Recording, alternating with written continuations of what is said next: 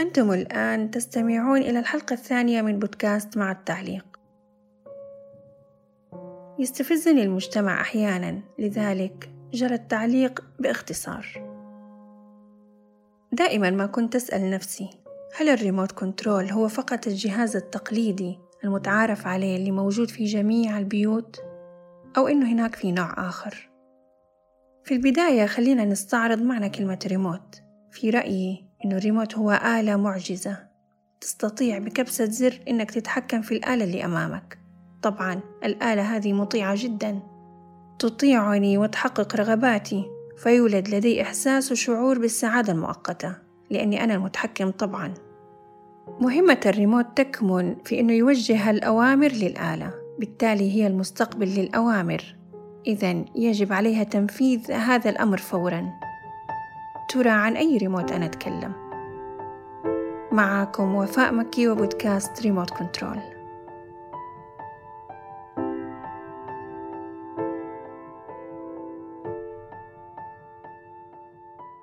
من الطريف إني بحثت عن معنى كلمة remote control في اللغة العربية فما أتوقعت إني ألاقي لها مرادف. ففوجئت إني وجدت لها عدة معاني. على سبيل المثال تحكم من بعد. قيادة من بعد توجيه من بعد ضبط من بعد سيطرة غير مباشرة. كلها معاني اختلفت في المبتدأ واتفقت في الخبر. اختلفت في المعنى قليلا في التحكم والقيادة والتوجيه والضبط. لكن اتفقت في أنه جميعها عن بعد واتفقت أيضا في التحكم الغير مباشر. دائما الشخص المخول للتحكم هو الأقوى. سواء كان مدير زوج أب صديقة أم.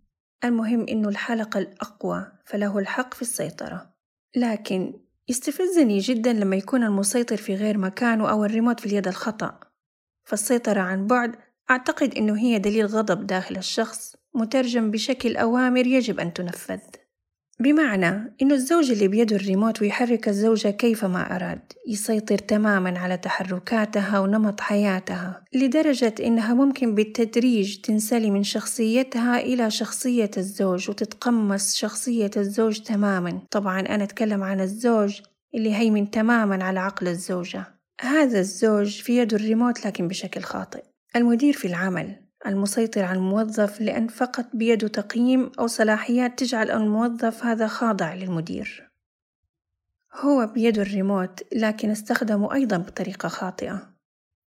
وسائل التواصل اللي لها السحر القوي والحظ الأوفر في التحكم عن بعد أصبحت تحدد أسلوب الحياة اللي نتبعها. أتوقع أو كنت أتوقع أنه أغلب المتأثرين بها هم المراهقين.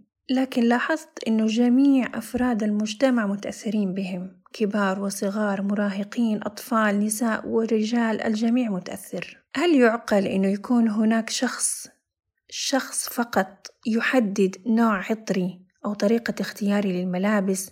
هل يعقل أنه يمكن أنه يحدد ذائقتي للطعام؟ لا أتخيل أبدا لكن هذا هو الواقع. لمجرد إنه سين من الناس قدم نوع من العطور أو الطعام أو الألعاب أو حتى لو كان حذاء وأثر بداخلي بشكل أو بآخر هنا أنا وقعت تحت سيطرة الريموت. هنا أنا ما عندي أي حل أو ما أستطيع إني أقدم أي حل للمجتمع لأني أنا واقعة تحت تأثير الريموت. في النهاية هل كل تحكم عن بعد هو سيطرة؟ أتوقع ليس بالضرورة. المهم شخصية المخول لامتلاك الريموت. من هو؟ أخيرا أشكر لكم مشاركتي دقائق من يومكم. دمتم بود.